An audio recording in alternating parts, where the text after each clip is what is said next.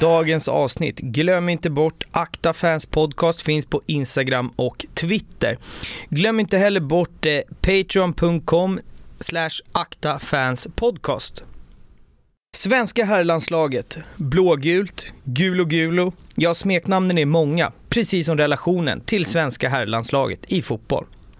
Alla har vi våra favoritminnen från de matcherna som betytt lite extra för just oss. Idag ska vi prata med Anders som var på alla dessa matcher från 1992 fram till 2016.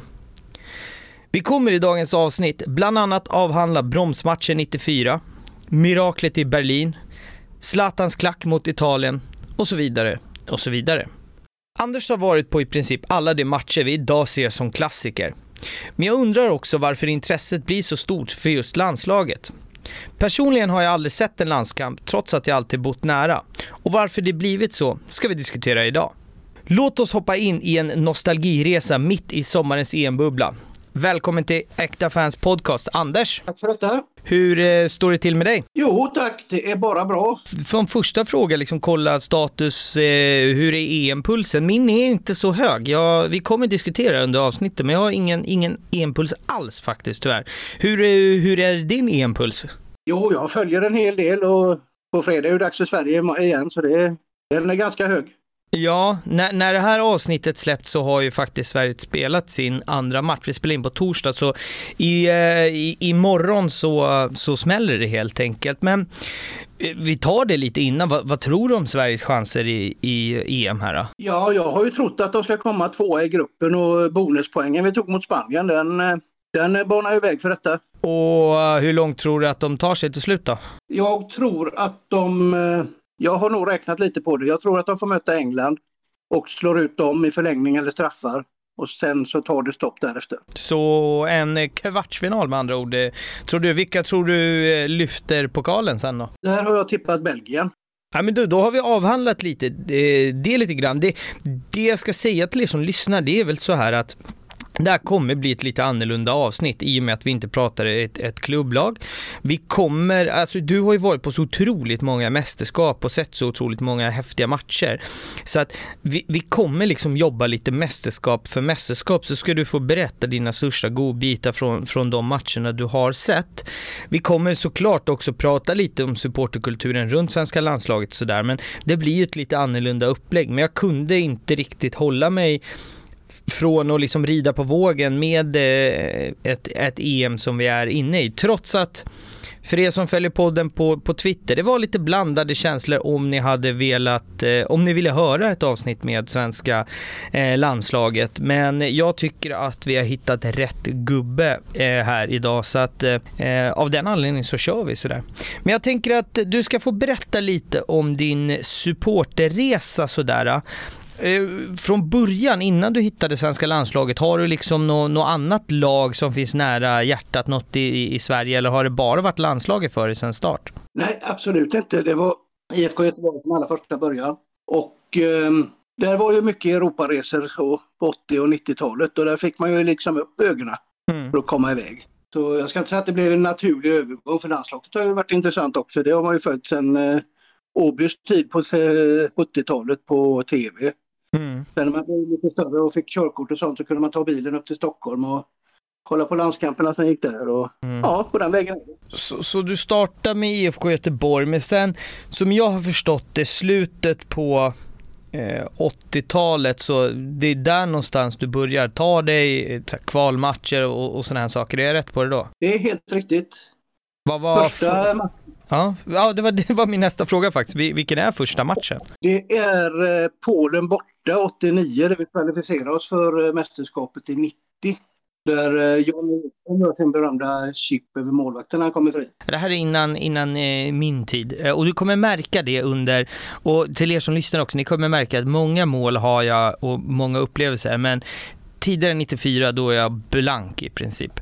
Eh, sådär. Men okej, okay, 89 så, så börjar du och eh, var det någonting eh, mästerskapet 90? Jag hade inte kommit så långt i mitt resande då så jag visste liksom inte vart man skulle vända sig. Det gick ju att köpa paketresor antagligen men eh, det var som sagt i lindan av mitt intresse för landslaget. Okej, mm, okej. Okay, okay. Men du, du ser ju några kvalmatcher som sagt. Eh, det här åker 89, men det första mästerskapet som du närvarar på, då har ju Sverige fått ett hemma-EM. Vi pratar 1992. Du sätter dig i bilen och åker upp till Stockholm. Va? Berätta om, om den här äh, resan och vars ni hamnade när ni väl kom till Stockholm. Jag och en jobbarkompis, vi hade köpt eh, sånt här paket som var då med en match i Göteborg och så var det två Sveriges matcher i Stockholm mot Danmark och mot eh, England. Mm. Och det var på vinst och förlust. Vi hade inte bokat någonting. Vi packade in tältet. Ja, vad visste jag om Stockholm då egentligen? Tanken var väl att tälta någonstans ute i ingenstans där det gick en nattbuss. ja. Men eh, sen var vi ute på Gärdet och tittade där på öltälten och sånt och såg ett anslag om eh, billig camping. 50 kronor per natt och tält och det var ju helt okej tyckte vi. Tillgång till dusch och toalett och bastu, det var ju taget. Ja, verkligen. Så vi styrde bilen ut mot Östermalms idrottsplats och hamnade där. Och var kanske 10-15 svenskar, det var inte så många. Eller 10-15 tält kanske vi var till. Ja, ja. Sen en morgon så slår vi upp tältduken och då ser vi en av världens största engelska flaggor. det visade sig att det var där de slängde in alla engelsmän som inte hade något, eh, några hotell bokade. Oh, fy fan. Full fart och ölen flödade kan jag tänka mig. Ja, vi grillade ju och vi drack ju pilsner. Vi hade ju med oss några ölbackar och sånt där. Och de var ju nyfikna på oss. De var, var ju säkert 200-300 så vi var ju numerärt fruktansvärt underlägsna. Mm. Men de var ju nyfikna på vad vi var för några och kom fram då två, tre stycken i taget och undrade. Vi bara liksom tjänare, ta en pilsner om du är sugen. Ja. Så vi blev ju vänner istället. Då. Och sen var det massa fotbollsspel och allt möjligt som vi höll på med där och hade liksom inga problem alls inför detta. Och sen då natten till matchdagen så var det ett gäng svenskar som hade en folkabuss och ett förtält runt om. De hade spänt upp sin svenska flagga över framrutan. Mm. Och den råkade brinna upp den natten. Mm. Okej. Okay. Alltså tältet eller någonting då. Sen på dagen där innan matchen så pratade vi liksom tyckte det var inte så snyggt och nej, men den som vi hade bäst kontakt med där han uh, tyckte väl att ni kanske får förstå oss också. Jo, självklart gör vi det. Han var ju ärlig där och sa det att hade han varit svensk så hade han väl kanske inte stannat kvar och bott där efter matchen eftersom engelsmännen var tvungna att vinna. Ja, det, ja. det gjorde inte det, utan vi packade ihop och höll oss nyktra och tog bilen ut till Råsunda och styrde kosan hem sen direkt efter matchen. Och det var väl tur med tanke på de upploppen som blev. Ja, jag tänkte precis fråga det. Alltså, en, en, det som är mest, vad ska man säga, uttjatat det, med just EM 92, det släpptes ju ganska nyligen också, en When We Were Kings på, på ämnet, är ju de kravallerna som blev på Gärdet där engelsmännen egentligen vad ska man säga, infiltrerade de svenska supportrarna. De blev polare med alla svenskar här och sen på given signal ute bland öltälten på Gärdet så braka helvetet löst och och eh, det var fotbollshuliganism eh, på eh, av liksom historiska mått mätt så att säga. Och det var väl min fråga om du var på plats där, men det var du alltså inte då eller? Nej, det var vi inte. Vi satt på någon McDonalds söderöver och såg nyheterna klockan ett hur det hur det som du sa hade brakat löst då. Då tyckte vi att vi hade gjort ett väldigt bra beslut att åka därifrån. Ja, det, det, det, så, här, så här med 29 år eh, efter så kan jag fortfarande hålla med om det. Det var ett, ett jäkligt eh, klokt beslut. Vilka matcher fick ni till slut se då under EM 92? Vi hade till den eh, fantastiska matchen mellan Holland och Skottland och det var ju tvärtom. Det var ju förbrödring långt över gränserna mellan de supportrarna. Ja. Och sen hade jag då till eh, Sverige-Danmark och Sverige-England och finalen sen också. Okej, okay, du fick finalen där också. Ja men, äh, men grymt. Det som, det här var ju egentligen en när vi pratade lite inför så sa du ju att, ja men 94, då, det var mitt första mästerskap. Sen kom du ju på lite så här att, just fan, jag var ju redan 92, men eh, 94 är ju där det är ju ett mästerskap som, eh, jag vet inte om det går att mytologisera ett, eh, ett mästerskap mer än vad vi svenskar gör med 90, 94. Eh, alla som lyssnar vet ju vad som, som händer, men hur var det inför? Det är alltså VM borta i USA, det är, det är liksom inte en det är inte i Tyskland när man kan sätta sig i bilen och svänga ner. Hur, var, hur gick snacket mellan dig och vännerna inför att bränna bort till USA? Det slutade faktiskt med att jag åkte själv över, men eh, jag kan ju börja med det. Och jag hade släkt i, eller har släkt i USA också. Mm. Och jag hade kanske inte åkt över utan det. Och sen huvuddraget var det att när jag var med två kompisar i London året innan, i november 93, då sprang vi på en tjej som var från USA. Okay. Och vi umgicks så hon tyckte att det är klart ni ska komma över och kolla på VM och hälsa på. Mm. Så det, det bestämde vi aldrig tre att det skulle vi göra men då blev det till sist att den ena hade inget jobb och inte hade inte råd. Och den andra hade precis fått ett nytt jobb och hade bara en veckas semester och kunde inte välja när. Det, det, blev helt enkelt att jag åkte över själv. Innan vi fortsätter in på, på, på VM 94 och sådär. Min känsla här, nu får, nu får du säga vad, vad, vad du tycker. Eh, jag var tre år gammal så jag har inga minnen alls från, från VM 94. Men det är ju e-, en, en prestation som, som eh, inte går att jämföra med någonting annat. Men är det inte dags snart att sluta prata hela, hela, hela, hela tiden om VM 94? Det är trots allt 27 år sedan. Vad tycker du? Det är ju som du säger en prestation utöver det vanliga och säg inte att vi inte kommer få uppleva det för jag tycker det har varit väldigt, väldigt nära. 2002 i Japan var vi väldigt nära. Vi var ett stolpskott ifrån att gå vidare eh, mot Senegal. och sen eh, 2004 så åkte vi ut på straffar mot Holland. Mm. När vi hade chansen att avgöra och bomma en straff. Så jag menar det, då vann Grekland istället. Det kunde varit vi. Med mm. lite, lite flyt bara. Då hade mm. vi oflyt. Nej, alltså min, min, spontana känsla här är ju bara att det ältas mycket och jag fattar varför det ältas. Jag som inte är så liksom, jag är inte inbiten landslagssupporter överhuvudtaget, det är så här, men gå vidare, nu, jag, nu siktar vi mot nästa mästerskap sådär och jag vet inte om man är eh, det här nostalgiska, men å andra sidan, jag är ju supernostalgisk över till exempel AIK som jag har närmast hjärtat, det är deras gamla guld, så det är väl kanske rimligt, eh, vad vet jag. Men du kommer ju ner till USA och eh, ser du all, vilka, alltså ser du alla Sveriges matcher i USA eller? Jag hittade grundpaket, då var det gamla resebyrån Spis hade ett eh, paket, en paketresa mm med de tre matcherna och hotell och alla transfers och sånt däremellan. Så det, det, var ju min grund. Sen ville jag ha haft någon form av flygpass, eller typ tågpass fast med flyg istället för utan avstånd. Mm, mm. Men det påstod de inte fanns. Och då hade jag liksom ingen rutin att räkna vad händer om vi kommer etta eller tvåa i gruppen. Och med facit i hand så hade det gått att räkna ut för ingen kunde väl tro att vi skulle vinna gruppen med Brasilien. Nej.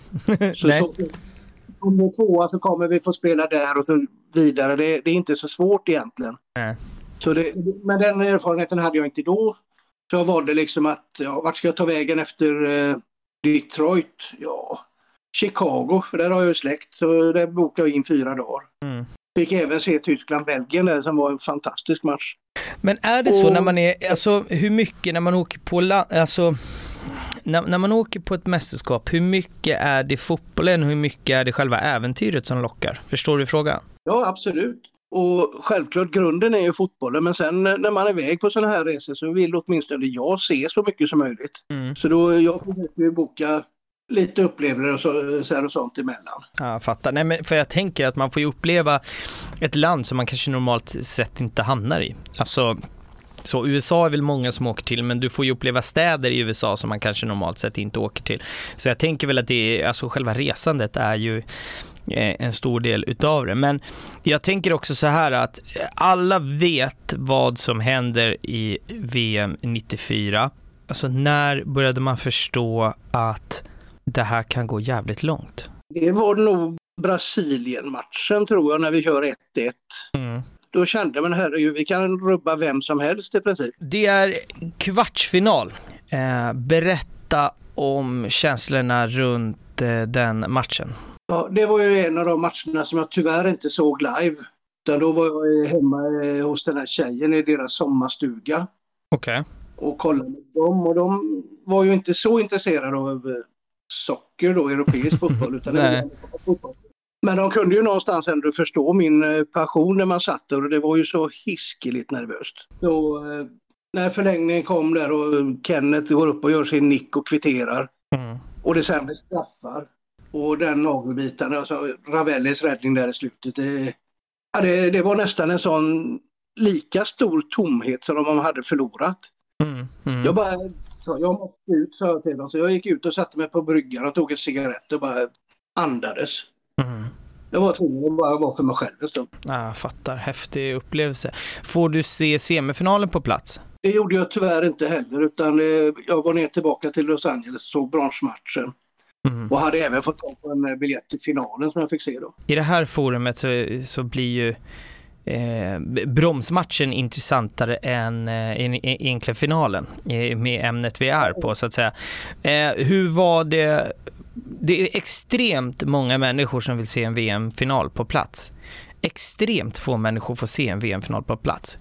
Kan, kunde du ta in redan då att så, fan, jag är på en VM-final i USA? Hur är den känslan? Liksom? Ja, den, den var rätt makalös. Jag tyckte jag betalade mycket. Jag betalade lite drygt 3 500 för det då. Men det är ju ingenting att jämföra med vad biljetterna kostar idag.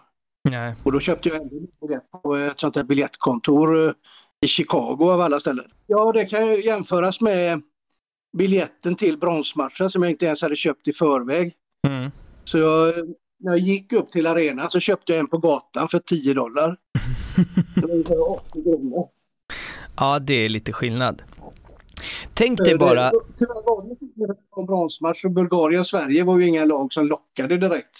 Tänk så många som, som tänkte, fan jag vill åka dit men jag har ingen biljett eller som bara, bara liksom tvivlade i sista sekund. Så hade man, hade man bara kommit dit så hade man kunnat köpa en biljett för 10 dollar. Det låter helt absurt. Det går, så, alltså, mycket har ju hänt på, på de här åren. Återigen, det är ett tag sedan.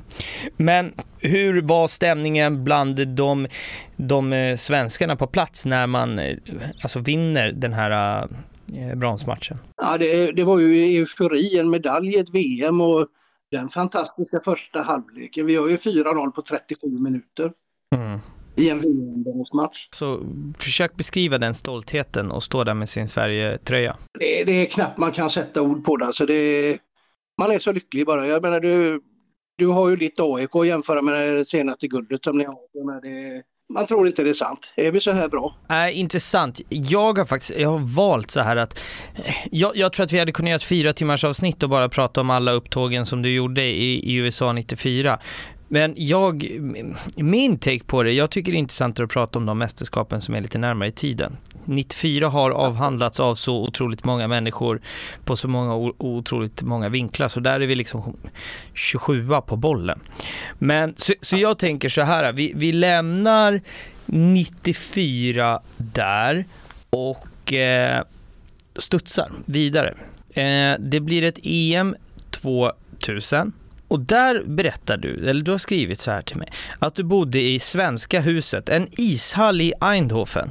Bara att de har en ishall i Eindhoven eh, får mig att rynka på ögonbrynen. Holland i hockey känns sisådär. Men berätta om, eh, om EM 2000. Ja, då var jag nere med en av mina bästa kompisar här från Göteborg och en av mina bästa polare från Halmstad som är en fantastisk eh, resenär också vad det gäller både Blåvitt och landslaget. Mm. Vi bokade biljetter och har sedan dess försökt få tag på sån här Follow your team. Där man köper biljetter till hela gruppspelet och så betalar man för vouchers okay. till slutspelet. Så långt Sverige är med. Mm. Och det fick vi, så vi hade hela vägen till final. Det var ju ganska onödigt i det mästerskapet för det var ju ingen höjdarunderhållning från svensk del men vid sidan av eh, fotbollen så var det en väldigt eh, rolig upplevelse. Mm, jag, jag vill höra om den här ishallen med skiljeväggar. Alltså berätta, är det första anhalten eh, Eindhoven eller? Ja, där bodde vi hela tiden. Eh, för vi, det här, vi bokade boende om det var via Svenska fotbollsförbundet som ordnade detta. Mm. Och de hade ju lite sådana här pubbar och aktiviteter och sånt där inne också. Så det, man hade ju kunnat klara sig där men det vill man ju inte heller göra. Nej. Så vi ska ju gå ett gäng ner mot uh, centrala Eindhoven för det var ju ganska centralt ändå så det var inga problem att gå ner. Men så hade man ju fått i sig några pilsner innan och på vägen så vi måste lätta på trycket och då tyckte vi att vi kan inte stå här och göra det i någon buske hur som helst. För lite in i centrala Eindhoven så har man ju lite att tänka på också. Både mm. visa upp sig som svensk och som människa också för den delen. Mm. Mm. Vi går ni vidare så tar vi och väntar på nästa pub här. Vi går in på nästa pub till höger. Mm. Det visade sig vara en, ja, ett hål i väggen i princip, en liten pub bara. Och då ska vi vara duktiga och beställa en öl och inte bara gå in och dricka. Eller gå, gå på toaletten rättare ja, amen, vi, amen. vi har ju Sverigetröjor på oss och det är inte så snart, eh, det dröjer inte länge förrän samtalet går in på fotboll och de undrar vad, hur vi trivs där och allt möjligt sånt. Så det, det blev vårt stamhak sen. Vi kom aldrig så ofta in till centrum utan vi hamnade på den här puben. Amen. Och lärde känna ett par där som eh, till sist bjöd hem oss. Ska ni inte komma hem en dag? Mm. Ja, vi var ju där några dagar. Så absolut, jo men kom hem så fixar vi lite grill och sånt. Då visade sig att eh, den dagen som han kunde och vi kunde, det som passade, det krockade med hennes bastukväll med sina väninnor. Så det, men kom ni ändå, säger de, vi, vi löser det. Så vi åker över, går över till hans, deras radhus och knackar på och så är det ingen som öppnar. Jag tänkte, vad fan har vi blivit blåsta? Men sen kommer han till sist och ber så hemskt mycket om ursäkt för att eh, han har varit tvungen att jobba över. Och vi hade ju inte bytt telefonnummer eller någonting sånt så det gick ju inte att få tag på oss. Men Nej. vi väntade snällt, snällt, snälla som vi var. Så. Och det, han kom ju och var jättebeklaglig och så, så släpper in oss. Ja, jag måste bara fixa lite mer öl, väntar ni här? Är vi liksom hembjudna tre stycken till en holländare som vi knappt har träffat i tre dagar. Och får vänta medan han springer iväg och köper mer öl. ja, du kunde gjort vad som helst i hans hus ju. Ja, egentligen skulle vi. Han hade visserligen en gammal pensionerad polishund som kanske hade reagerat men eh, jag vet inte riktigt. Bara den, bara en sån sak, det var så vänligt så det, sen kände han ett Alltså det visade sig att vi gick ut på restaurang istället och så bjöd han på hela notan för den kvällen istället. Men är det inte så, alltså vi kommer ju komma in på det lite senare, men min känsla av eh, liksom mästerskapet är att det är väldigt förbrödrande, att man är väldigt mycket, som man polar med andra människor och träffar vänner för livet. Dels i, i alltså bland svenska supportrar men också med eh, mm, supportrar från andra alltså andra länder så att säga. Är det så? Ja, ja framförallt eh, svenska supportrar har jag ju träffat så mycket underbara människor. Mm. Från alla landsdelar och alla klubbtillhörigheter. Liksom det, det lägger man åt sidan när man är ute så här. Men jag vill höra om den här eh, ishallen i Eindhoven, berätta om den. ja, det var ju en upplevelse i sig. Så, men ganska bra gjort faktiskt, för de hade ställt upp eh, sådana här skiljeväggar eh, som man kan hitta i typ i bibliotek och sånt här. Mm. Och avdelat då som sovsalar, det var väl 6, 8, 10, 12 eller någonting sånt. Mm. Beroende på hur mycket pengar man vill lägga. Man fick ju betala mer om man ville vara, ha lite mer privatitet och så. Men vi var väl 10 eller 12 i vårat eh, ställe så det, det gäller ju inte ont och snarkningar för det var ju alltid någon som lät. Mm. Och sen var det ju liksom tak och väggar som dolde några ljud från andra rum heller. Det, det, känns ju spontant som när man är på mästerskap att när man väl ska sova så har man druckit sig sömnig så att säga, eller? Ja, oftast har det varit så. ja, jag kan tänka mig det.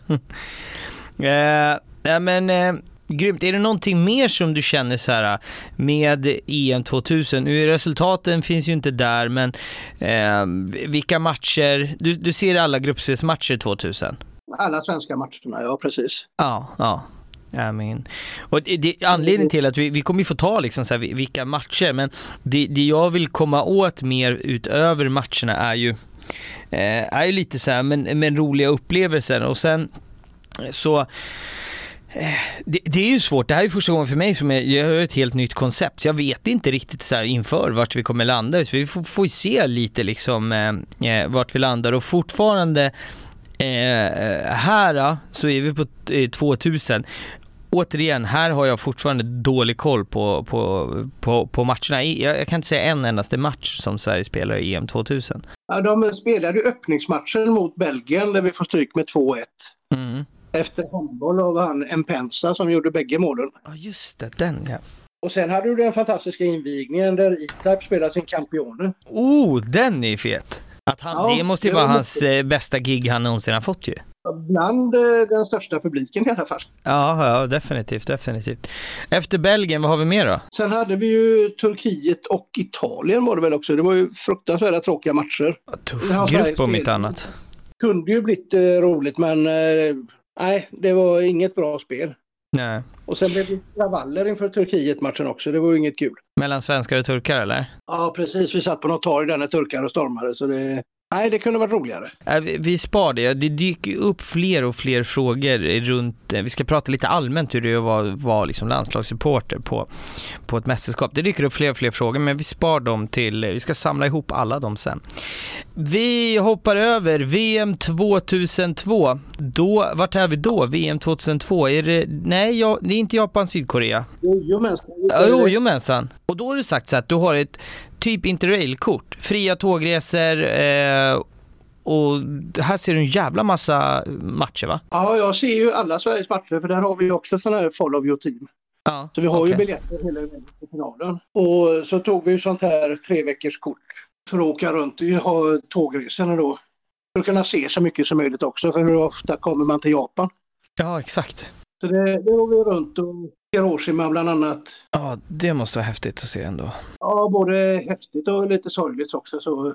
Men se den där domen som fick kvar och minnesparken och allt det här. Det, mm. det är känslosamt. Här har vi också ett sånt, jag var ju inne på det lite tidigare, att säga mycket av det här att man får chansen att resa även här. Visst, det är kul att kolla fotboll, men hur jävla ofta hamnar man i Japan? Alltså båda de två blir ju, det är, det är så grymt att kombinera det på, på något sätt sådär. När, när, man, när VM handlar, hamnar i sådana här länder som man liksom Ja men fan, där hamnar man inte av en slump. Alltså i Tyskland till exempel i VM, där, ja, men där kan man hamna. Så, men det, det gör man inte på samma sätt i, i, i Japan. Hur var liksom, var fotbollspulsen i Japan? Den är gigantisk va? Ja, jag vet inte om det var lika mycket då som det var nu.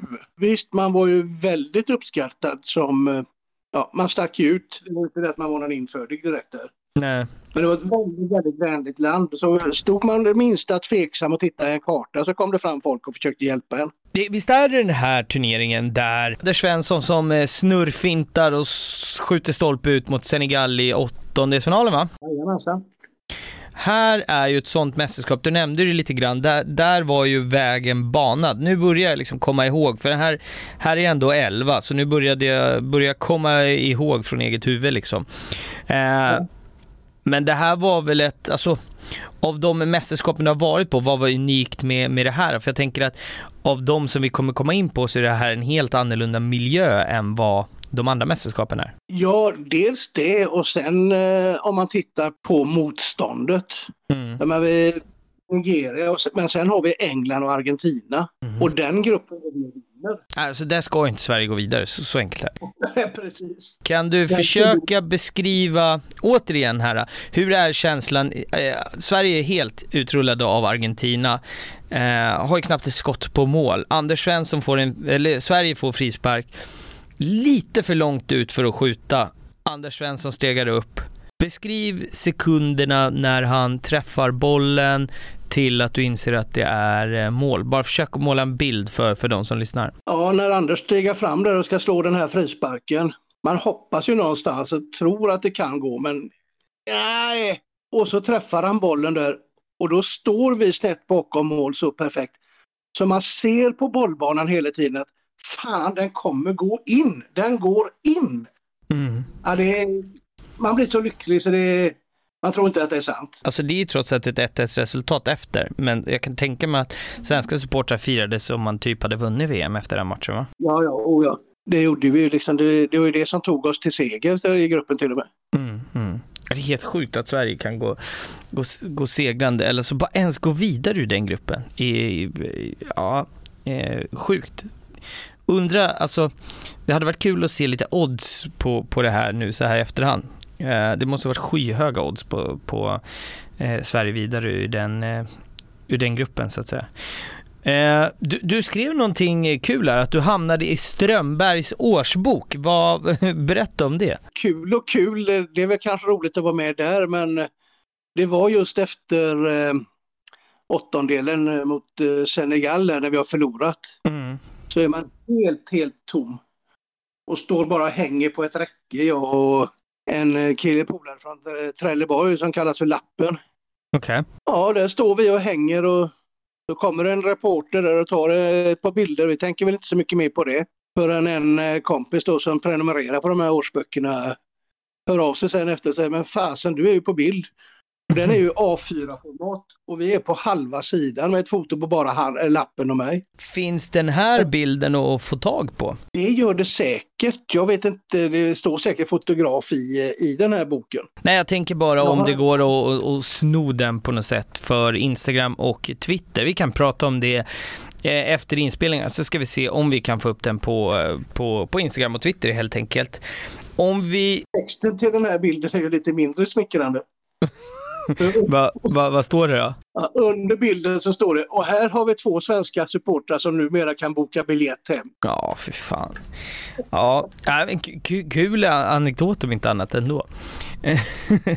eh, är det någonting mer med eh, VM 2002 som du känner så här att det här får, får vi inte eh, missa så? Jag, jag kan säga, vi var ju ner till den sydligaste ön, vad den nu heter. Det var ju någon semesterö som de har, ganska mm -hmm. stor ö. Mm. Och där skulle ju Sverige spela, eller vinnaren i Sveriges grupp spela. Mm. Och det, det, skulle ju inte vara vi. Så vi hade ju åkt ner dit för att titta där också. Mm. Och så står man ju på lite sån här eh, japanskt traditionellt boende och bo på golvet och sånt där. Men... Mm. Och där har vi lite anekdoter runt omkring. Vi var ute och tog en promenad och liksom, nej vi måste ha något att äta. Så vi går in någonstans, det visade sig vara någon kombinerad bilverkstad någonting. Och så frågade om vi kunde ha något att äta. Eller gestikulera, för det var ju inte mycket engelska på de delarna av Japan. Nej. Det var mycket teckenspråk. Men då kommer det ut en vänta, vänta. Fast ja, inte på svenska då, men... Ja, ja. Han hämtar tillbaka oss och kör oss iväg. Till ett matställe. Så frågar om vi liksom, vi fattar ju att han undrar om vi vill ha, för det fanns japanskt och italienskt att välja på. Ja. Och vi ville ju ha japanskt eftersom vi var i Japan, men då var det stängt för det var ju inte så japanska semestertider där. Mm. Så det fick bli italienskt. Det var en sån vänlig tanke att en helt okänd människa kör oss. Men det ska väl vara ett av världens vänligaste folk, japaner också. Det, jag vet inte vart jag hittade den faktan. Jag bara jag har för mig att jag har eh, hört det någon gång. EM 2004 är du också på. Det är det här, vi kommer, du är ju för fan på allt. Och det är därför vi sitter och pratar om det. Eh, men du, eh, du bilar ner Eh, tog biltåg. Vad är ett biltåg för någonting? Kör man in bilen på tåget eller hur funkar det? Ja, det, de har eh, vagnar där, ja, som, med park, ja, som parkeringsplatser där man kör på bilarna. Ja. Och sen har du en eh, sovkupé. Jaha. Så man, det här var ju 100-120 meter, det tog 20 timmar någonting det här tåget. Ja. Men då kunde vi dricka lite pilsner allihop i det här och så fick man en liten blågul av alla odds frukostkorg på morgonen. Åh oh, jävlar, och, vilken grej! Ja, ja det, det tog nästan inte mycket längre tid med tåget. För vi hade ju fått ha en övernattning på vägen ner också. Då var ju det här en annorlunda upplevelse. Nu är jag inne egentligen med, med mina, nu är jag med i matchen och kan prata från egna erfarenheter. Men du är på match, det är Sverige som möter Italien. Det börjar Italien leder med 1-0. Matchen har tickat på. Det blir en tilltrasslad situation i straffområdet. Zlatan med sin fantastiska spänst. Det är helt sjukt att vi pratar för övrigt om eh, eh 2004 och Zlatan och han fortfarande spelar, vilket är absurt. Men det är en annan diskussion. Men han går upp, klackar bollen. Kan du berätta hur det är att stå på läktaren de sekunderna från att han träffar bollen tills att de, den går i mål? Ser ju det egentligen inte som en målchans.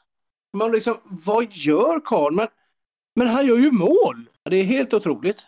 Det är intressant och man har fått se något som egentligen inte ska gå att göra. Nej, det har du faktiskt väldigt rätt. Det ska inte gå att göra på det sättet faktiskt. En annan intressant grej som du har här är att ni träffar några danskar.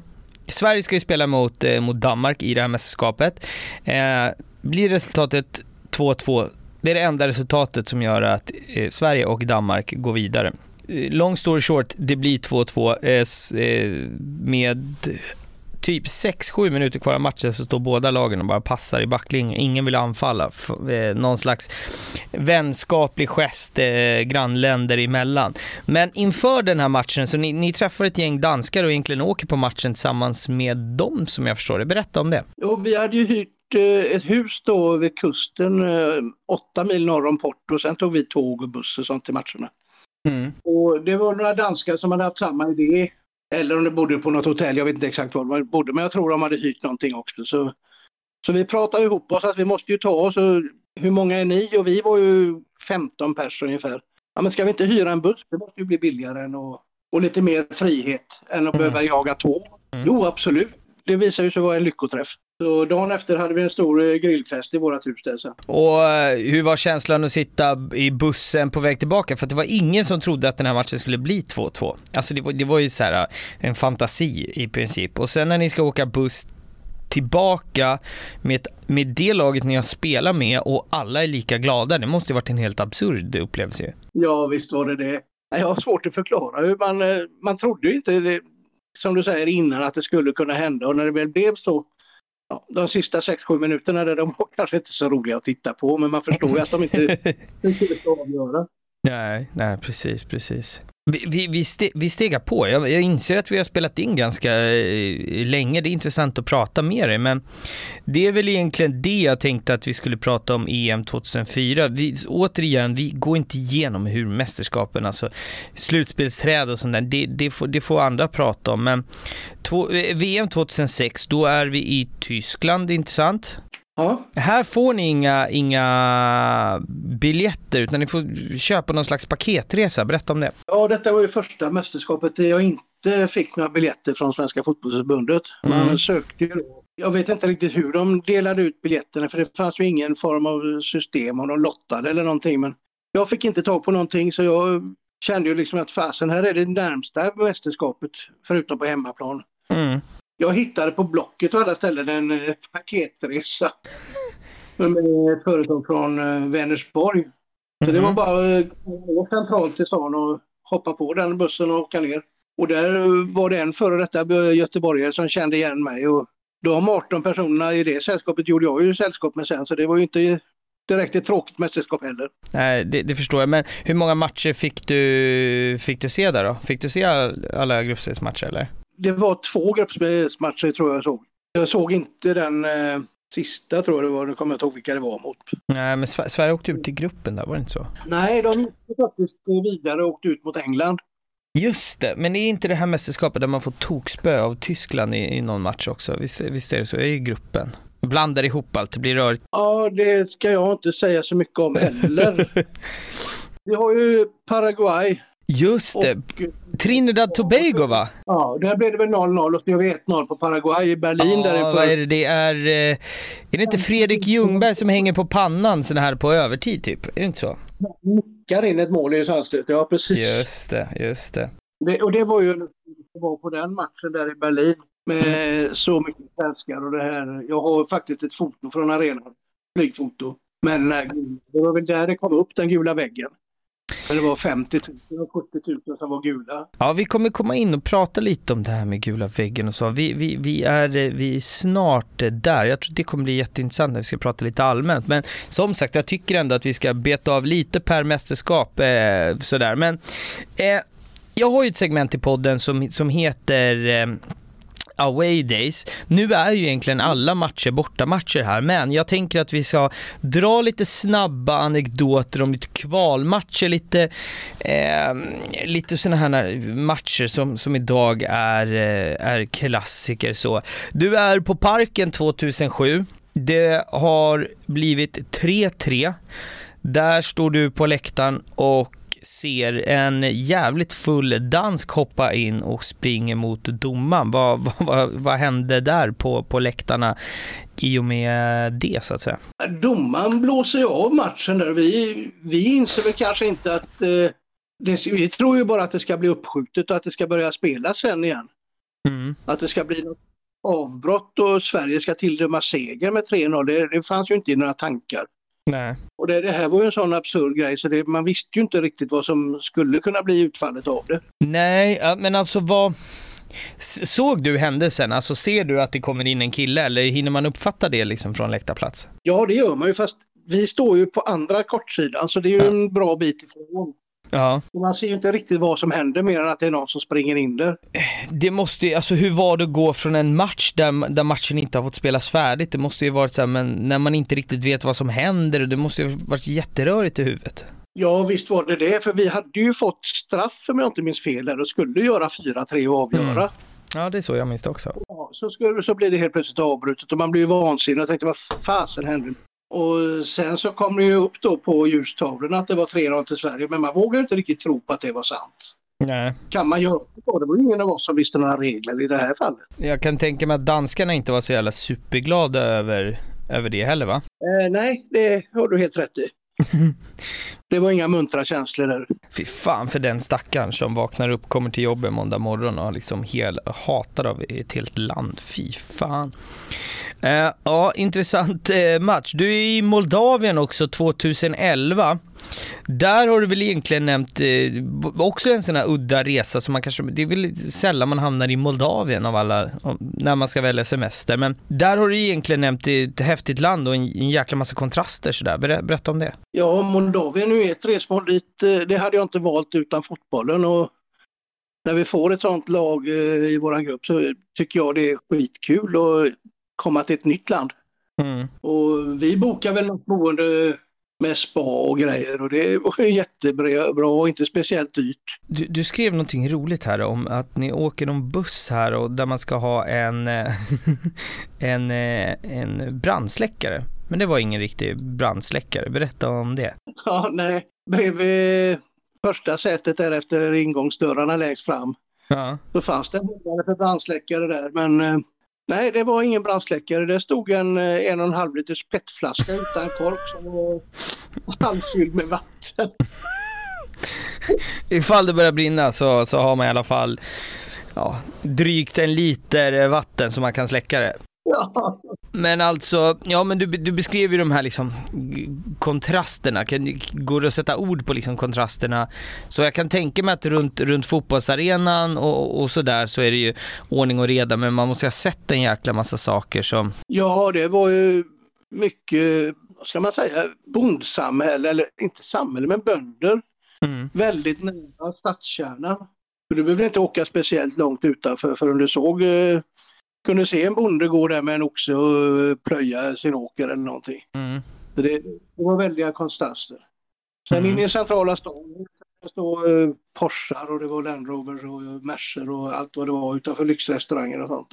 Mm. Och lyxrestaurangerna var väl inte riktigt dyra heller med våra mått mätt. Men det, det var billigt trots att det var dyrt om man säger så. Sen 2012 så gör du en liten kombinerad resa. Jag gissar på att det här är, jag kommer inte ihåg exakt hur det var, men det borde väl varit eh, två kvalmatcher. Eh, de brukar vara fyra, fem dagar mellan. Men då bränner ni till Färöarna först och sen iväg till eh, Tyskland. Det som händer här i Tyskland, det har ju kommit att kallas miraklet i Berlin. Många som går i halvlek. Du lägger lite skämtsamt eh, armen om din polare och säger att, ja, berätta du, vad, vad händer här? Vi var ju fullständigt utspelade. Och det var ju 3-0 i halvlek om jag inte minns fel och många gick redan då. Och det blev 4-0 och många går, ännu fler går. Och sen börjar ju den här upphämtningen med att Sverige reducerar till 1-4 och det blir 2-4. Och ja, man tänker, ja, ja, vi kom lite närmare och då tittar jag på Hasse, min polare. Jag lägger armen om honom och så säger var du på den där makalösa matchen i Berlin 4-4 2012. Man tror ju inte att det ska hända men eh, det var på ett skämt. Det gick hem. Beskriv bara. Det blir 4-3. Sverige ligger och pressar. Jag kan tänka mig att det går från en ganska tyst svensk sektion till ett jävla liv där man, där man lyfter spelarna. Berätta om minuterna innan på läktaren och eh, berätta om känslan vid eh, när Sverige kvitterar. Ja, vi hade ju haft väldigt, vi hade ju en hel del chanser innan kvitteringen också. Man tänkte fasen, vi har ju dem i gungning, det måste kunna gå. Och så sätt dit den där jäkla bollen. Mm. För det kändes verkligen att vi hade chansen. Och sen då så när det väl dyker upp det här läget och den går in. Ja, det är ju som lyckas så man undrar. Och sen hade vi ju faktiskt läge att göra till och med 5-4 som tyvärr missas. Ja, en otrolig match och det här är alltså för mig, jag, vi kommer eh, i nästa segment komma in på det, men jag har aldrig varit en liksom stor eh, landslagsvurmare sådär. Men eh, det här är ju en sån match som, den här kan jag fortfarande dra på på Youtube och bara sitta och rysa till än, än idag. Sådär. Eh, otroligt häftigt att få vara där. Ja, framförallt om man har Radiosporten med Lasse Granqvists kommentarer. Ja, det, ja, allt annat är fel. Eh, så, så, så, är det. Men eh, vi har en match kvar här som, som går lite utanför, eh, om man tänker mästerskapen. 2013 så får Sverige en eh, ny nationalarena, Friends Arena. Den ska invigas eh, med en match mot England. England är där ganska stora nummer. Eh, ska se den här nya maffia-arenan ute i Solna. Och Sverige vinner den matchen. Zlatan gör fyra mål. Och det, han kröner ju den här invigningsmatchen med en eh, bicicleta och det här är ju också på tal om Youtube, den här har man sett några gånger. Berätta om, eh, om den känslan alltså dels först att komma in på nya nationalarenan, det blir ju någonting helt eh, nytt. Men sen också berätta om känslan när man ser att Zlatan träffar bollen i en cykelspark 25 meter från mål. Ja, nu var det väl snarare 40 meter från mål, men det är ju en annan sak. Men, ja, långt ut. Ja, för en gångs skull så har vi ju köpt biljetter på långsidan, jag och Hasse. Ja. Så vi sitter på femte raden mitt på plan. Vi är ju verkligen nära hans eh, akrobatiska nummer där. Vi brukar alltid sitta i klacken eller stå i klacken annars. Men nu vill vi sätta oss liksom för att få bättre överblick och se arenan. För vi kommer ju ändå se klacken sen. Mm. Var kanske 20-30 meter ifrån människan när han gör det här som bara han kan göra, vågar jag väl lova. Ja, det Eller vågar jag också han, lova.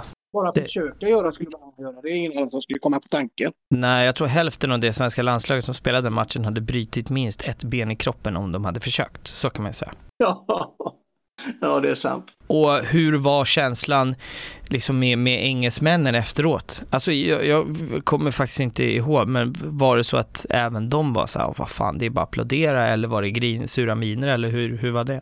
Nej, han var ju faktiskt inte accepterad av engelsmännen innan. De hade inte de förstod inte hans eh, storhet. Så engelsmännen tyckte, vem är han? Vad är det med honom? Mm.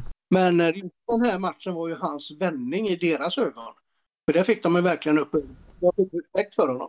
Just det, de hade ju sagt att han var sämst egentligen i alla engelska medier. Det var, hans, det var då han fick eh, bevisa dem fel så att säga. Så är det. Vi har, vi har pratat om lite matcher, vi har pratat om mästerskap. Nu tänker jag att vi bara ska bryta av. Vi har ju några mästerskap till att prata igenom så som du har varit på sådär. Men jag tänker att eh, vi ska prata lite om supporterkulturen runt det svenska landslaget. Och det här leder oss in på eh, veckans andra segment som är rätt eller snett. Där egentligen det jag kommer komma med ett påstående så det är upp till dig att bedöma om, om jag är rätt eller snett på det, eh, kort sagt. Och eh, okay. många väljer landslaget före ett lokalt lag för att man tycker supporterkulturen runt de svenska arenorna är för hård. Rätt eller snett? Oj, det där var en svår fråga men eh, ja, nej, jag tror det är snett. Du tror att det är snett? Och då tänker jag på dem, det finns ju många som har heja på som du, det är på Blåvitt och sen följer landslaget. Men jag tänker på de som inte följer ett, ett svenskt lag, som bara följer landslaget i Sverige. Är det fortfarande snett på det då? Nej, det är nog faktiskt rätt. Det finns säkert en hel del sådana också. Nej, jag, jag, visste ju som sagt innan vi, innan vi tryckte på räcka så visste jag inte om du hade något lag här i Sverige. Det var därför jag ställde frågan. För att jag vet inte om det är en fördom som jag har, men jag, alltså, jag läste en tweet eh, för ett tag, så jag kommer faktiskt inte ihåg vem det var som skrev äras den som äras bör, men den löd någonting i stil med att svenska landslagsläktare måste vara, alltså Sverige är det land där landslagsläktarna och de lokala läktarna eh, är, att det är störst skillnad på dem så att säga. Kollar man på en engelsk eh, eh England-Sverige i ett VM så ser det ganska likadant ut om man kommer till Premier League eller Championship. Men i Sverige, om du går på eh, AIK eh, och sen går du på landslaget. Så det är sådana extrema skillnader här. Eh, och du som har gått på Blåvitt, vad, alltså varför tror du att det är sådana sk stora skillnader i hur supporterkulturen utförs? Ja, jag vet faktiskt inte riktigt svaret på det, men eh, det är ju faktiskt helt rätt. Det är ju så. Och många tycker ju att det är club before country som det heter, men eh, varför man inte kan enas och få samma tryck på läktaren på en landskamp, jag vet inte riktigt. Kanske kan det vara så att det är mer marginalsupportrar som går på en landskamp än eh, vad det är på ett klubblag. Mm. Att det är lättare att fylla en arena med landslaget än klubblagen har då. Alltså jag utgår bara från mig själv här. Jag har varit en aktiv eh, supporter i, i, i många herrans år. Jag förespråkar eh, liksom en aktiv läktarkultur, jag förespråkar bengaler, jag gillar den här lite hetska stämningen som finns runt fotbollen. Och för mig, jag har aldrig dragits, jag har aldrig varit på en landskamp i hela mitt liv, jag har aldrig känt att jag vill gå dit för att den supporterkulturen som bedrivs där är inget liksom som, som, som lockar mig, utan eh, min tes är väl lite så här. Känner du till begreppet när, när man kategoriserar supportrar i A, B och C-kategori? Ja. ja. Min take på det hela är att svenska, alltså kategori B och C-supportrar inte aktivt går på landslaget det är ju, och kollar man bland liksom ultraskulturen och så här, då är det nästan lite fult att tycka om eh, landslaget enligt, enligt många. Liksom. Vad, vad, vad tror du att det grundar sig i? Jag vet faktiskt inte. Det, det har jag inget bra svar på. Mm. Men eh, det du säger, men varför vet jag inte. Men om, om du skulle beskriva supportkulturen runt eh, landslagets matcher, kan vara hemma på, på Friends eller på ett mästerskap, hur skulle du beskriva den liksom i breda penseldrag sådär? Kan jag det? Det är tamare än vad det är med i klubblag som du säger. Mm. Och sen är det ju många fler som ska, många landsändar som ska bindas samman. Jag har inget bra svar på det faktiskt. Hamnat i några avsnitt där jag haft väldigt mycket fördomar och här är ett utav dem. De som gör så som du gör, du är ju till exempel, och man, man pratar ju mycket om Camp Sweden och du, du har sagt till mig innan vi spelade in här att det är du inte en, en del utav. Du är lite för bekväm helt eh, kort och gott. Men jag förstår inte det här med Pippi-frisyrer och kannor på huvudet och alltså sådana här saker. Jag vet inte, jag, för mig är det Oh, det här, nu svär man i kyrkan och får hela svenska folket emot sig, men jag tycker att det är lite överdrivet och töntigt sådär. Sätt på dig en landslagströja, köper det till 100% men jag tycker att det kan gå till överdrift så, så mycket liksom. Vad, jag tycker att jag är fel ute här? Mm, både och egentligen. Pippi är en stor del av den svenska kulturen. Mm. Och många förknippar henne med Sverige. Mm. Så visst, det är en kul grej och det är samma som vikingahornen som var väl det första som dök upp egentligen. Mm. Vikingahjälmarna och det, men eh, man tycker det, det, visar att man är svensk på något sätt mer än bara tröjan. Men... Alltså, jag, jag, jag, först, jag förstår varför, men jag förstår ändå inte varför. Nej, jag, jag förstår ditt, ditt tankesätt där, men jag kan inte förklara varför folk har på det mer än så. Nej men det, ja, det, det, kan väl ha att det kan väl vara så enkelt att man är inkörd i att supporterkultur ser ut på, på ett visst sätt. Eh, och, och, att det är det man är van vid och någon annan kan väl vara van vid, vid, vid någonting eh, annat sådär. Men jag tänker det, det är intressant att du, vi, vi, var inne lite på det här med Camp Sweden. Eh, för den som inte har koll, till exempel jag, berätta vad är Camp Sweden om vi bara börjar där? Det är ju en gruppering inom eh, de gruppering är väl fel att säga det. De ordnar väldigt mycket med resor och de ordnar boenden och sånt. Ofta är det camping och sånt så att det ska vara mycket svenska på ett ställe. Mm. Annars är det lätt att bli utspritt. Och det är just den där campingbiten då som jag har undvikit. Jag har blivit för gammal för det helt enkelt så jag bokar ju hellre hotell eller lägenheter ja. när jag är ute och åker. Då. Sen har jag inga familjer på ner och träffa de vännerna som jag känner där nere och ta pilsner med dem där och sånt. Ja. Det är en helt annan jag vill gärna ha min säng och sova. Jag kunna duscha och gå och pinka när jag vill och utan att det är kö och sånt. Ja, jag fattar. Nej, men det, det finns väl, så, rättar man mig fel, men de finns till för att egentligen eh, rodda åt folk så att folk inte ska behöva rodda själva. Det är enkelt. Boka, åk dit, kampa här och sen dricker vi bärs och har det trevligt tillsammans. Och de styr upp det i bakgrunden så du, alltså som man som enskild individ inte behöver göra det. Är, är det har jag förstått det rätt då?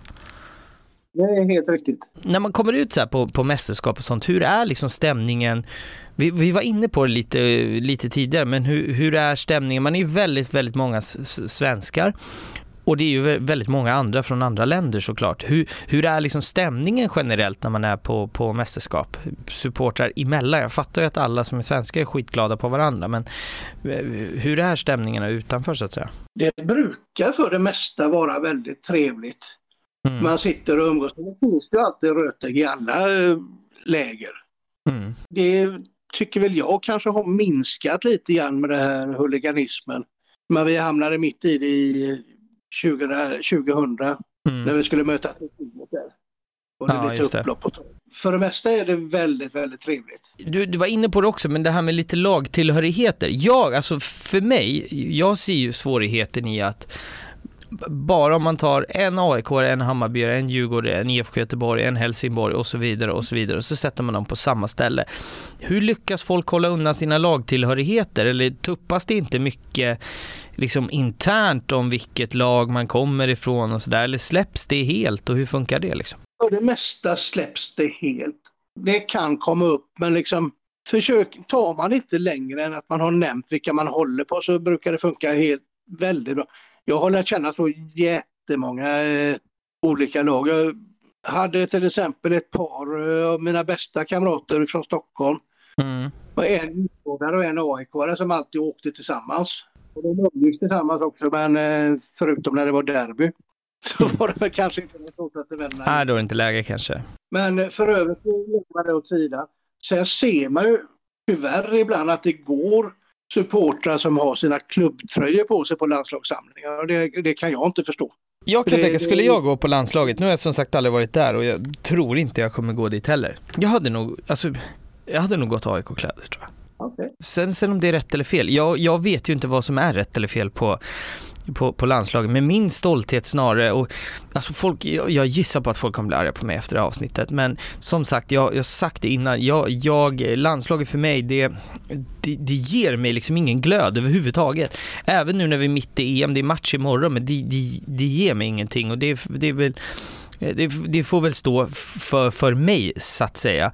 Men det jag är stoltast över i, egentligen i typ mitt liv är ju mitt kära AIK. Det hade jag väl vis, velat visa upp på något konstigt sätt om jag gick på landslaget. Jag vet inte hur jag skulle agera om jag gick dit faktiskt. Jag, jag, det är svårt att, att, att nämna det om jag inte har erfarenhet utav det kanske, vad vet jag. Jo, så är det väl säkert. Va, alltså, du har ju gått också i, ja vad fan blir det, nästan 30 år på landslaget. Vad, vad har utvecklats om man pratar liksom supportermässigt under den tiden skulle du säga? Dels är det ju antalet supportrar. Det går ju inte att jämföra med intresset som är idag. Det exploderar ju med Tyskland. Mm. I och med att det var ett mästerskap som låg så nära och sen har det börjat gå bra. För det gick ju faktiskt bra nästan hela vägen i Japan och även i Holland, eller Portugal som jag sa. Mm. Och det har väl också för framgångarna fått upp intresset. Och jag menar, nu senast i Ryssland i 2018 gick det ju till kvartsfinal också. Mm. Så det går ju bra för landslaget. Ja, men, men så är det. Fan, jag inser nu det, det jag sa tidigare. Fan, jag har inte, de gångerna jag har kollat Sverige på storbild under senaste, typ, jag kommer ihåg Englandsmatchen och Schweiz och sånt där. Då var det fan, då lämnade vi våra lagtillhörigheter utanför och gick och kollade storbild med massa andra. Jag tror att jag tar tillbaka mitt, mitt uttalande här. Jag inser det nu, så här, att jag har ändå varit och kollat och då har vi helt släppt det. Jag har varit med mycket Djurgårdare så där. Så, nej, jag tar tillbaka mitt eh, uttalande om, om jag skulle gå på en landskamp. eh, men Nej men intressant, jag, jag, ville bara att vi skulle liksom landa lite och, och, och bolla just om, eh, om, eh, om liksom supporterkulturen brett. För att jag vet inte, jag har, eh, jag har en del fördomar där som jag tror att jag delar med Eh, en del aktiva supportrar runt om i Sverige och man märker ju på Twitter och sociala medier att det är inte alla som, som älskar landslagsfotbollen där, där jag är en utav dem. Så det är väl dumt egentligen att jag gör ett avsnitt av det, men eh, jag får ju höra dig och du inspirerar ju mig. Det var, verkar vara sjukt jävla roliga resor du har varit på om inte annat. Jag tänker att vi har ju några mästerskap kvar faktiskt. Eh, EM 2008, då bilar du. Vart är EM 2008? Det är alltså i... Nu står det still. Österrike, Österrike, just det. Just det, just det. Då bilar ni ner. eh, och hyrde två olika hus har du skrivit och du träffade även Börje Salming här. Berätta om det. Ja, han satt på en eh, pub eh, i Seefeld, tror jag det var. Vi hade hyrt hus. Vi skulle okay. spela där. Mm. Och, ja, där satt ju han bara och vi var, var fram och kingsade liksom. Han var ju världens trevligaste människa han också, som de flesta man stöter på. Mm. När man är ute. Bara för att det är en kändis så är det många som har uppfattningen att de kanske inte är så folkliga. Men eh, jag har inte stött på någon när jag har varit ute sådär som inte varit väldigt folkliga och öppen och pratsam. Det mästerskapet överlag då, vad, vad, har vi att säga om det? Här har du inte gett mig så jättemycket information inför, men berätta utöver att du träffade Börje Salming på en pub där nere, hur var det mästerskapet? Ja, sportsligt sett var det väl ingen jätteframgång egentligen, men eh, vi som supportrar hade väldigt, väldigt trevligt. Vi sprang på mycket ryssar som bodde i närheten när vi hyrde ena huset med dem på en restaurang. Det fanns inte så mycket, den var ganska utanför så vi fick ta buss. Ja. Så då blev det mycket vandring och, eh, både utanför puben och till puben. Och, Mm. Så det var mycket eh, jag kom, en, en, fråga som, bara som, som dyker upp. Du har ju berättat att du har köpt lite paketresor. Så alltså, hur får man tag i de här biljetterna? Alltså hur funkar den processen i att få tag i biljetter till ett mästerskap? Man får ansöka om det eller och är det så att man har varit förut så har man förtur eller hur funkar det? Nu är det ju så att man, de har ett poängsystem. Det kom ju till efter Tyskland 2006 som var så väldigt populärt. Mm. Så nu får man 1000 eh, poäng om man går på en hemmamatch, 2000 poäng om man går på en bortamatch. Och det kan räcka att du får ihop 4, 5, 6 tusen poäng så har du så att du kan klara det för att vara garanterad biljetter. För hälften av biljetterna går till de som har flest poäng. Okay. Man kommer väldigt långt bara på tre, fyra matcher. Men hur får man så... tag i biljetterna till de matcherna så att säga? Om, om vi säger att jag, eh, jag får ett superintresse för landslaget här, då, då får jag ha noll poäng. Då får jag ansöka om en biljett. Har jag lite tur så får jag tag i en biljett. Ja, men det börjar ju med att gå på någon hemmamatch. Det är ju alltid aldrig några större bekymmer. Det blir ju inte beslutsamt direkt. Nej. Så det får man ju alltid få på en biljett och där har du tusen poäng direkt. Mm. Och sen kanske känner någon som har åkt tidigare och frågar kan jag få haka på nästa gång? För då kan man nämligen eh, söka upp till fyra stycken på en ansökan. Och då är det genomsnittet på biljetten. Man slår ihop alla poäng. Ja, okay. och sen jag menar, även om, man, om det är tre stycken som har åkt förut och en som aldrig har åkt och de tre har åkt väldigt mycket så är det väldigt stor chans att få biljetter. Okej, okay, okej. Okay. Så man samlar egentligen på sig typ erfarenhet och det gör det lättare. Så att man har de aktiva som verkligen får chansen. Det är ett väldigt bra och fint system för att man ska gynnas av att man, man följer det nära och tajt och mycket så att säga. Det är ett väldigt bra sätt att arbeta på. Ja, det blev jättebra. Jag blev lite sur då som sagt när jag inte fick någonting till Tyskland 2006. Mm, mm. Det var antagligen fler som blev. För sen kom då det här systemet och det, det fungerar jättebra. Så att om jag vill åka på någon landslagsmatch någon gång så är det dig man ska vara bästa kompis med för du lär ju sitta på hur jävla mycket poäng som helst. Ja, tyvärr är det inte så nu för nu har jag inte åkt eh, speciellt eh, mycket det sista. För man har bara med sig poängen i fem år. Mm, okay. Det är de fem senaste så det är liksom inte totalt genom alla tider. Ja, okej, okay, okej. Okay. Och det är också rätt bra för det, liksom, det ska vara färskt. Så det här premierar ju aktiva supportrar och det tycker jag är jättebra. Sen har vi ju EM 2012, det är lite kontroversiellt. Det var ju i Ryssland och, eller var Ukraina och kombinerat med... Eller var det bara Ukraina? Ja. Okej, okej.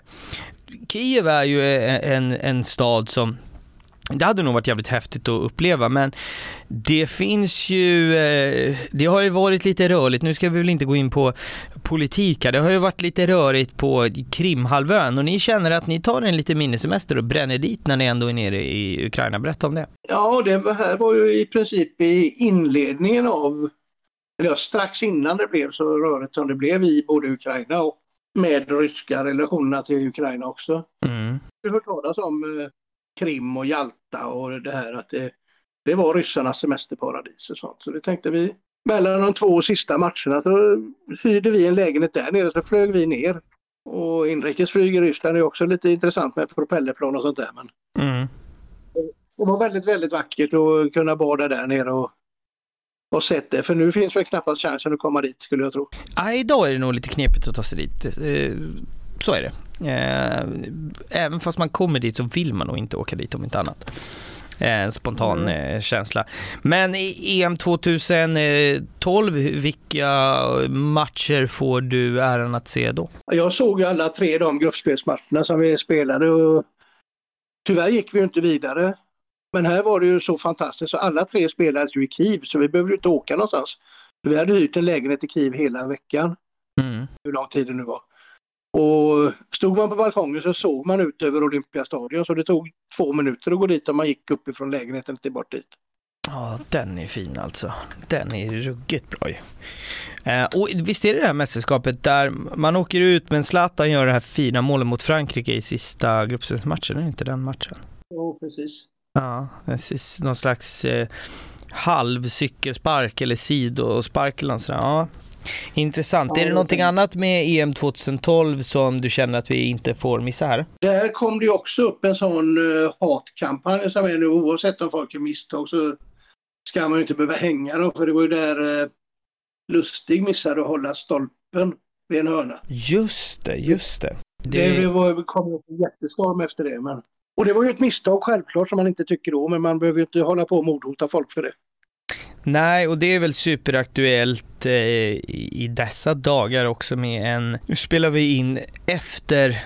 Ja, Sverige har ju bara spelat en match i EM, men det var ju en viss Marcus Berg som, som brände ett öppet mål och återigen så var väl nättrollen där och eh, mordhotade honom och så vidare och så vidare. Det har ju även hänt med eh, Jimmy Durmaz 2016 va, när han drog på sig en frispark mot Tyskland.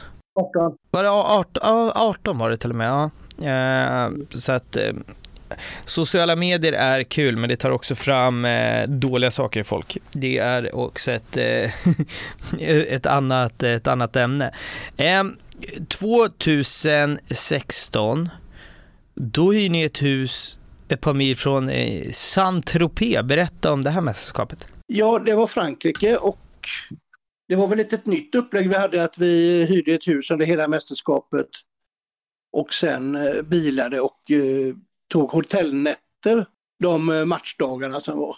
Mm. För då var det ju lite längre avstånd och sånt. Så det var inte bara det att köra hem efteråt om inte någon stackare skulle vara tvungen att offra sig. Men Ja. Det var väl ingen riktigt som kände så sett. Eh, nu ska vi se, fan mitt huvud står helt still. 2016 är inte alls länge sedan. Hur går det i detta mästerskap? Det är... Ja, vi åker ju ut i gruppspelet. Vi hade väl räknat med bättre resultat. Det var inte alls de spe det spelet och de resultaten som man hade hoppats på och trott Nej. på.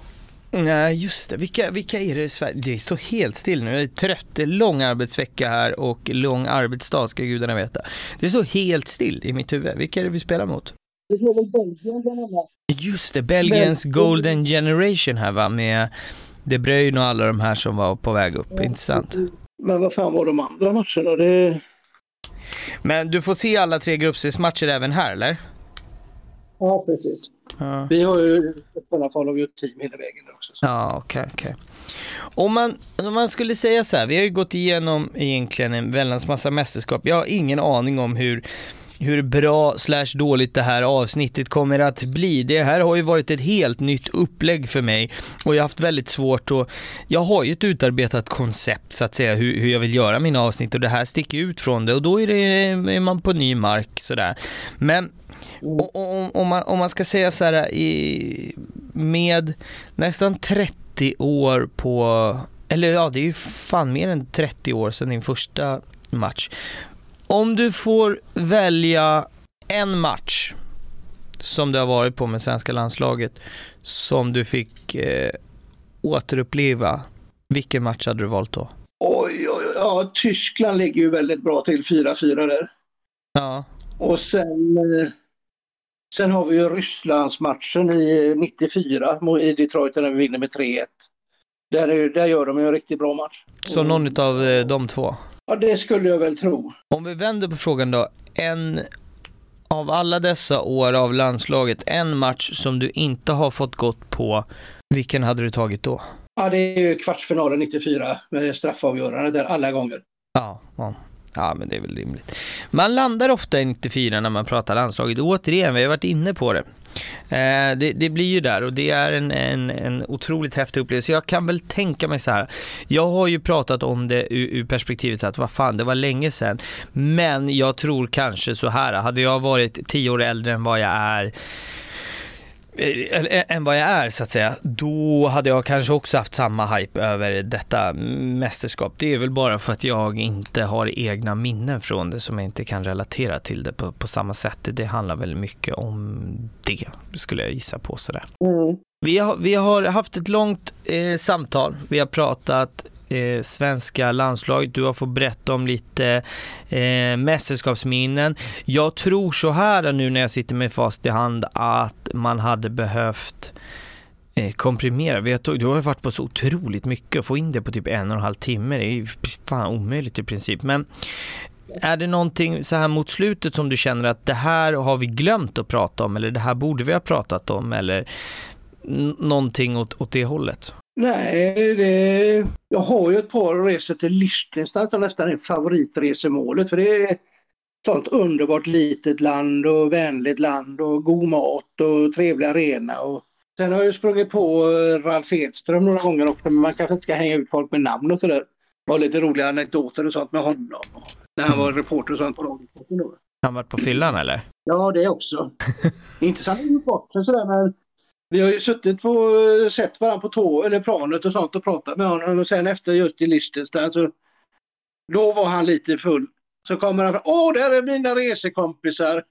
Mm. Men får det... man någon slags, alltså, det här, eh, alltså landslaget är ju världsstjärnor många utav dem liksom. Får man någon slags eh, gemenskap med, med spelarna? Känner man sig nära spelarna på något sätt eller gamla spelare och sådär när man, när man reser mycket med landslaget? Eller känns det långt borta liksom? Ja, det är väl inte så nära tycker jag. Det är väl Ralf Edström som man springer på ofta då som en sån god gubbe. Mm. Och jag har till exempel en sån härlig som var det 2005 tror jag spelade borta mot Island. Mm så skulle vi åka ner eh, till Grindavik, en liten håla. Dit gick det en buss om dagen som vi självklart missade. Den gick halv elva på förmiddagen. ja. Vi skulle se U21-landslaget då dagen innan. Okay. Så vi tog, men om vi åker ner, eh, tar bussen till Blå lagunen så kan vi kanske ta en taxi därifrån. Ja. Man tror liksom att det finns taxi överallt. Ja, man är van badställe som ligger med varma källor mitt ute i ett lavalandskap. Mm. Där fanns det ingenting. Nej. Så vi, så vi säger, tittar oss omkring liksom, så frågar vi han Finns det någon möjlighet att vi skulle kunna erbjuda dig lite ersättning och du kör oss ner till Grindavik? Mm. Jajamän, vänta bara. Jag ska bara han körde en sån här Mercabuss då, mindre så. Mm. Jag ska bara ta varor, för det var ju kombinerad buss och varutransport. Sen körde han ner oss till Grindavik och där har ni en fin restaurang och här går bussen tillbaka och bla bla bla bla bla. ja. Arena vi eh, Patrik Ekwall och ville liksom tjingsa med honom. Mm. Vi tänkte att svenskar på en U21-match på den tiden var inte vanligt då. Va? Nej. Men han var ju så jävla off tyvärr. Han var inte supportervänlig alls. Nej. Medan vi sen då eh, inne på matchen satt bakom ryggen på Lennart Johansson. Ja, det är mäktigt. Och han var ju så down earth så han liksom vände sig om. Nej men vad kul att ni är här och delar ut eh, pins från svenska fotbollslandslaget. Ja, så häftigt. Det, det positiva och negativa upplevelser med, med sånt där. Så jag har hur mycket som helst man kan prata om. Ja, jag ska, jag, ska, jag ska tillägga det också att med, med tiden som vi har, eh, så jag har ju faktiskt hoppat över några matcher här bara för att jag inser att tiden sprang iväg. Eh, för jag tror att vi hade kunnat sitta här, alltså den mängden matcher du har varit på så skulle vi kunna sitta på riktigt i säkert åtta timmar och bara gå igenom matcher. Så vi var tvungna att sålla lite grann i alla fall. Eh, men jag avslutar alltid podden på, på samma sätt med samma fråga. Eh, även fast det är ett lite annorlunda upplägg idag så, så eh, bryter vi inte den trenden. Så att jag har en sista fråga till dig egentligen och det är vad är supporterkultur för dig? Supporterkultur för mig det är att stå upp för sitt lag med och motgång. Vill du utveckla det eller vill du lämna det där bara? Nej, jag tycker det räcker det. Jag, jag, jag håller med dig. Det gör jag eh, i princip varje vecka med varje gäst jag har, men eh, det är det som är eh, det är det som är det fantastiska med supportkulturen, att ibland går det bra, ibland går det dåligt och man jagar alltid efter de där fina ögonblicken som man får tillsammans. Eh, hörni, det har varit eh, ett annorlunda avsnitt. Eh, återigen, jag vet inte hur bra det här har blivit. Det får jag se när jag editerar. Nytt koncept som eh, vi testar eh, med lite landslaget. Jag kunde liksom inte känna att vi hoppar över den enbubblan som, som faktiskt finns över över vårt kära land just nu. Men tack för att ni har lyssnat. Eh, vi ska se till att få upp lite roliga eh, bilder och lite rörligt på Akta Fans eh, podcast på Instagram och Twitter och sen hörs vi igen nästa måndag. Ha det fint hörni, tja! I samarbete med Esen Studio